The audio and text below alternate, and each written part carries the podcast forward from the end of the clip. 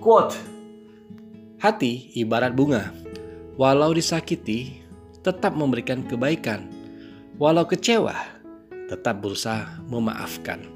Irdan Abdurrahman Sahliarhab bulan Januari tahun 2020 Apa makna quote tersebut? Bunga merupakan simbol dari sebuah keindahan. Segala apa yang terletak pada bunga memang indah. Mulai dari kelopak yang terangkai menjadi suatu bentuk yang indah, hingga harumnya yang menarik dan membuat indah indera penciuman manusia. Bunga juga dianalogikan sebagai lambang apresiasi tentang cinta, ketulusan, persahabatan, sukacita, dan lainnya.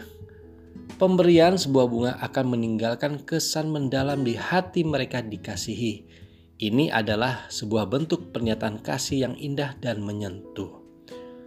Seorang pria mengirim bunga dalam menyampaikan rasa cinta dan sayangnya yang tidak mampu terwakilkan berupa kata dan kalimat. Sebaliknya, seorang wanita menangkap dari bunga berupa makna cinta dan kasih sayang yang hanya bisa dirasakan tapi tidak terurai oleh kata. Keindahan utama yang terletak pada bunga adalah keteguhan dalam memberikan keindahan. Meskipun dihancurkan, bunga tetap saja memberikan keindahan dan keharuman. Demikian pula apabila hati diibaratkan bunga, akan senantiasa memberikan kebaikan kepada orang lain, walau dirinya dimaki, dan senantiasa memaafkan orang tersebut yang telah menyakitinya. Ali bin Abi Thalib berkata, "Hatimu ibarat bunga, tetap memberikan harumnya meskipun kepada tangan yang menghancurkannya." Karakter memukau tapi fana inilah yang menjadikan bunga yang memiliki istilah Jahratul Hayat. Ini sebagai representasi kenikmatan dunia dalam Al-Quran.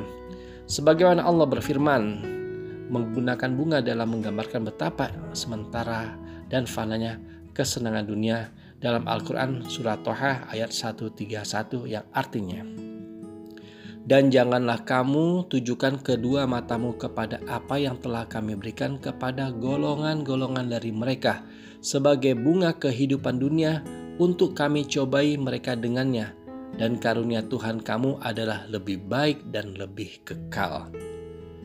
Apabila bunga masih berada di tangkainya, terlihat begitu mempesona namun jika diambil, maka pada saat itu juga bunga akan menjadi layu.